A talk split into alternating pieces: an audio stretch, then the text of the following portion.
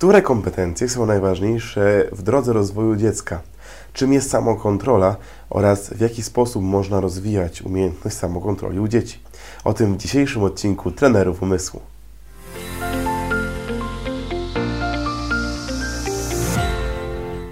Cześć, witam Cię bardzo serdecznie na naszym kanale w serii Trenerzy Umysłu. Bardzo Wam dziękuję za Waszą też aktywność, za to, że coraz e, większa społeczność buduje się wokół tej serii, wokół naszego kanału.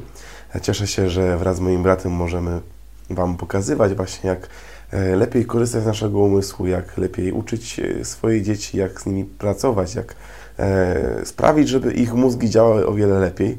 Jak wiecie, działamy na podstawie naszego doświadczenia jako sportowcy pamięciowych, jako pierwszych reprezentantów Polski na Mistrzostwach Świata Pamięci, czy multimedalistów Mistrzostw Polski w szybkim zapamiętywaniu e, oraz wielu, wielu lat doświadczenia nauce innych, jak lepiej zapamiętywać, szybciej się uczyć i po prostu łatwiej wykorzystywać to, co mamy pomiędzy uszami, czyli łatwiej wykorzystywać e, naszą e, pamięć, nasz mózg, nasz, nasze umiejętności.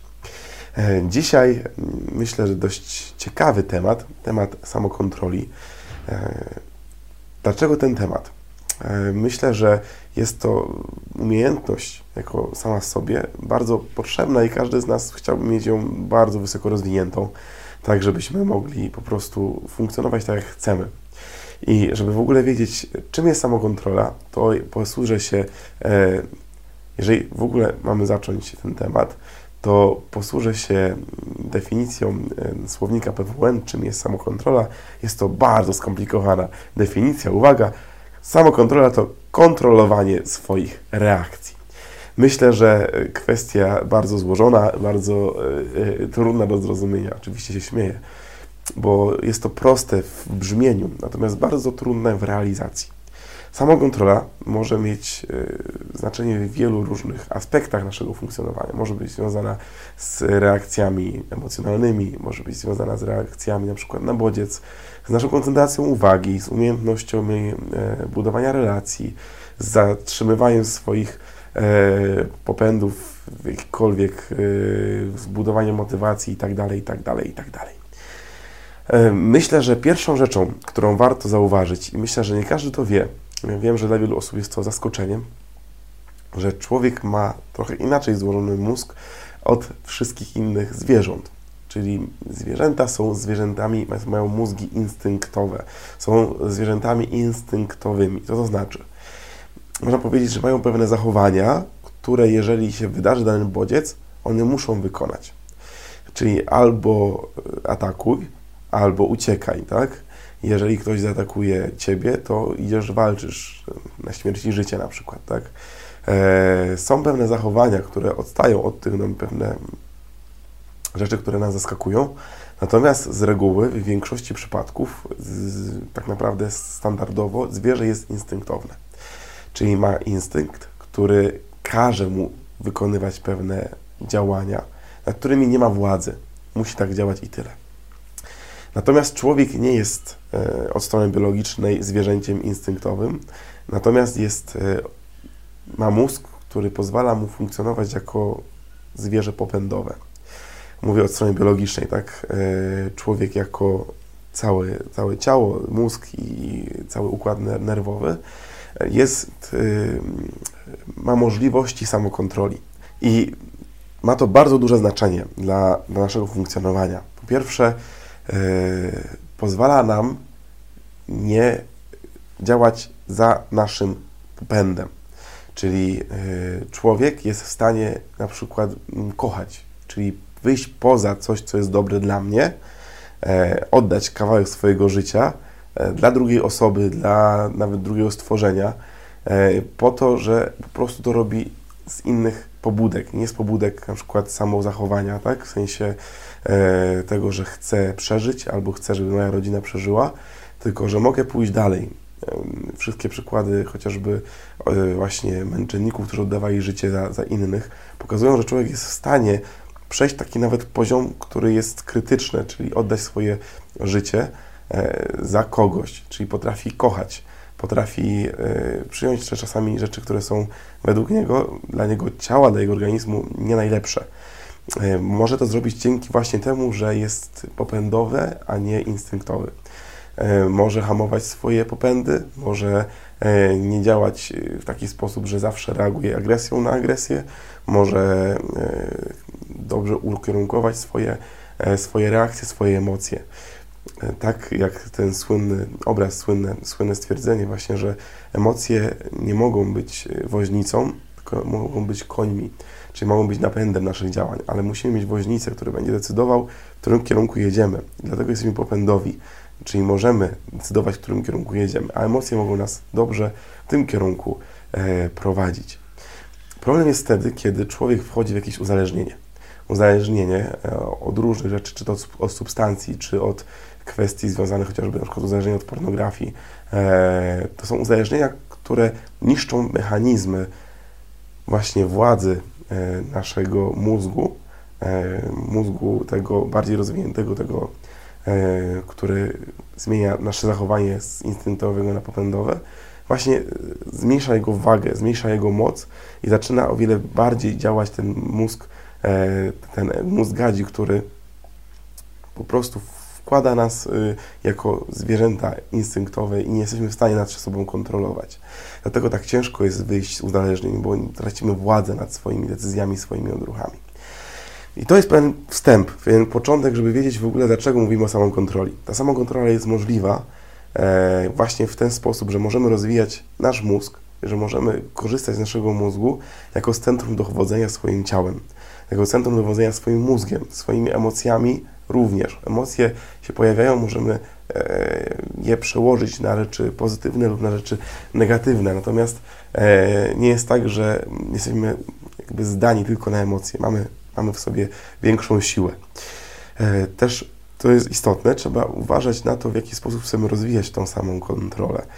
Bo mm, tak jak w każdej rzeczy związanej z psychologią, z mózgiem, z samorozwojem, jest mnóstwo rzeczy opartych na badaniach naukowych, e, mnóstwo rzeczy, które mają konkretne e, założenia dobre, związane właśnie z nauką, e, z tym, jak dana, dane ćwiczenie, dana aktywność jest w stanie pomóc naszemu mózgowi, ale jest mnóstwo też paranaukowych dowodów, paranaukowych metod, które tak naprawdę nam nie pomagają, które mogą być dla nas zagrożeniem.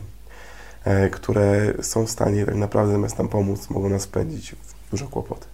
Dlatego przestrzegam w tym momencie nad tym, żeby kiedy wejdziemy w jakąś metodę czy w jakieś ćwiczenia, żeby sprawdzić ich y, po prostu naukowość, ich, ich prawdziwość, poszukać źródeł, dowiedzieć się więcej. No dobrze, e, to już wiemy. Teraz y, w ogóle dlaczego ta samokontrola jest tak istotna?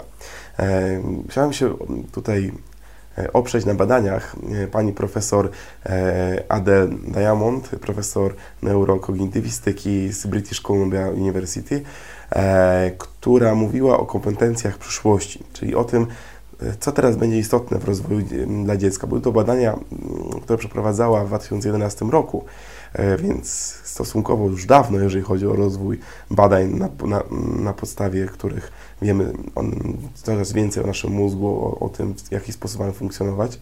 Natomiast e, już wtedy było wiadomo, że najważniejszymi kompetencjami to właśnie będzie e, kreatywność, którą na naszych zajęciach bardzo mocno ćwiczymy e, w bezbrainowy wymiar edukacji.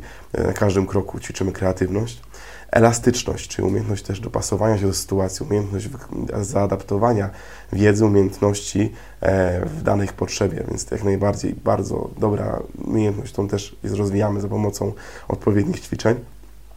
Samokontrola, która też e, opiera się chociażby na umiejętności utrzymania uwagi, e, koncentracji na, na danym mm, zadaniu, ale po prostu też ta samokontrola w całości będzie niesamowicie istotna e, jako kompetencja przyszłości, szczególnie przy rozwoju dzieci oraz dyscyplina, umiejętność dyscyplinowania się w świecie, który tej dyscypliny nam gdyby zabiera bardzo dużo, czyli przez to, że przeszliśmy pewną transformację ze złej dyscypliny, negatywnej dyscypliny na pozytywną dyscyplinę, w wielu miejscach ta dyscyplina w ogóle jest e, zaniechana.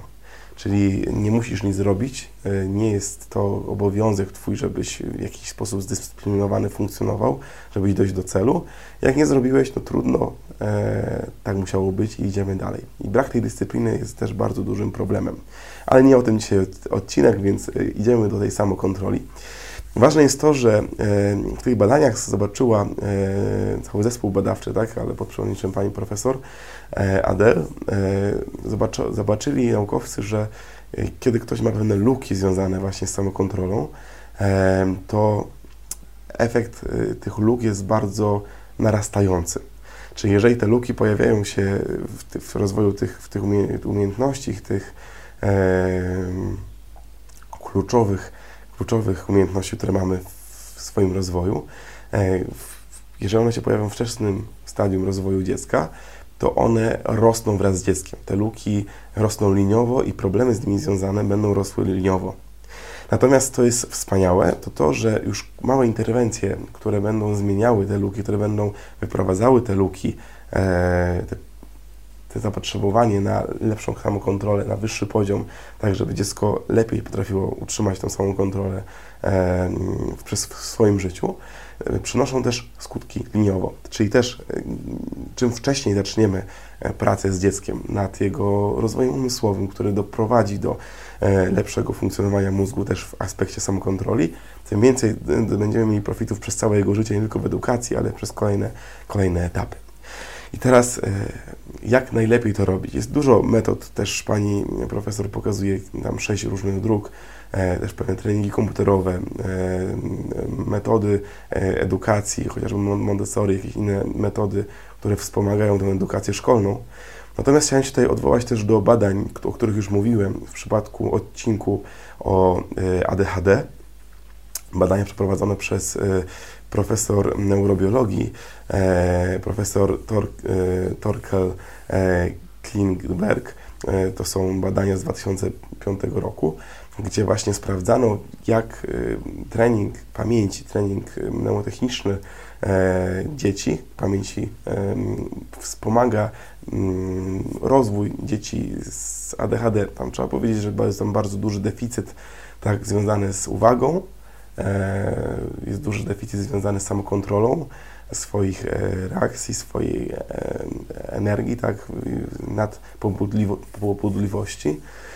Więc to są kwestie, które są bardzo mocno związane też z samokontrolą. I te dzieci po treningu pamięci, oprócz tego, że cała grupa polepszyła swoje umiejętności związane z nauką, z zapamiętywaniem, uczeniem się, to był zauważony bardzo mocny rozwój które zauważyli rodzice wśród swoich dzieci, e, właśnie w umiejętności koncentracji uwagi oraz umiejętności samokontroli swojej nadpobudliwości. Więc rozwój mózgu, odpowiedni rozwój mózgu, który rozwija mm, e, go w różnych obszarach, czyli jeżeli wykorzystujemy odpowiednie techniki, odpowiednie ćwiczenia, które nie rozwijają jedynie jednej umiejętności, na przykład nie rozwijają jedynie liczenia, nie rozwijają jedynie malowania, chociaż ono jest wspaniale rozwijające to i to są super rzeczy, które rozwijają nasz mózg. Natomiast które rozwijają nasz mózg w większej liczbie obszarów.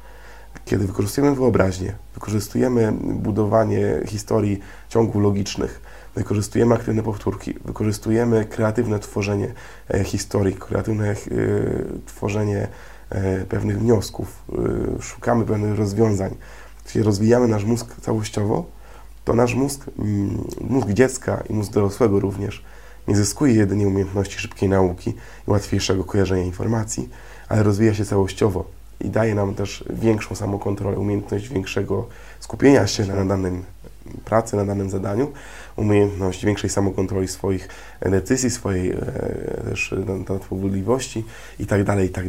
Też zauważyłem bardzo mocno wśród e, dzieci, które uczę, że dzieci, które właśnie rozwijają się w tą stronę, E, które, które ćwiczą swoją pamięć w odpowiedni sposób, chociażby właśnie w naszej metodyce, e, metodyce braci Boral, to te dzieci potrafią też e, bardzo często mieć większą motywację do zdobywania różnych celów.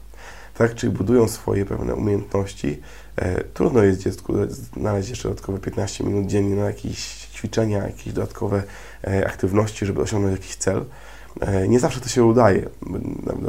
Dorosłym się to nie udaje bardzo często, więc dzieciom również, ale widać chęć budowania tej, tej samokontroli, chęć, e, motywację do tego, żeby budować te umiejętności, te mechanizmy powtarzalności swoich ćwiczeń, swoich zadań, swojego pewnego wysiłku, który doprowadza do fajnych efektów. E, mam nadzieję, że podobał Ci się ten odcinek. Daj znać, czy wiedziałeś o tym, że jesteśmy właśnie od strony biologicznej z rzędami popędowymi, a nie instynktownymi. Jestem bardzo ciekawy, e, czy wiedziałeś, czy nie. Zróbmy taką ankietę w komentarzach. Nie daj się e, swojemu lenistwu e, lub niechęci napisania komentarza. Daj znać, czy tak, czy nie. Czy wiedziałeś o tym, że, że jesteśmy e, popędowi, a nie instynktowi i co się za tym kryje? Czy jest to dla Ciebie nowość? Tymczasem bardzo dziękuję i życzę Ci wspaniałego dnia. Do zobaczenia.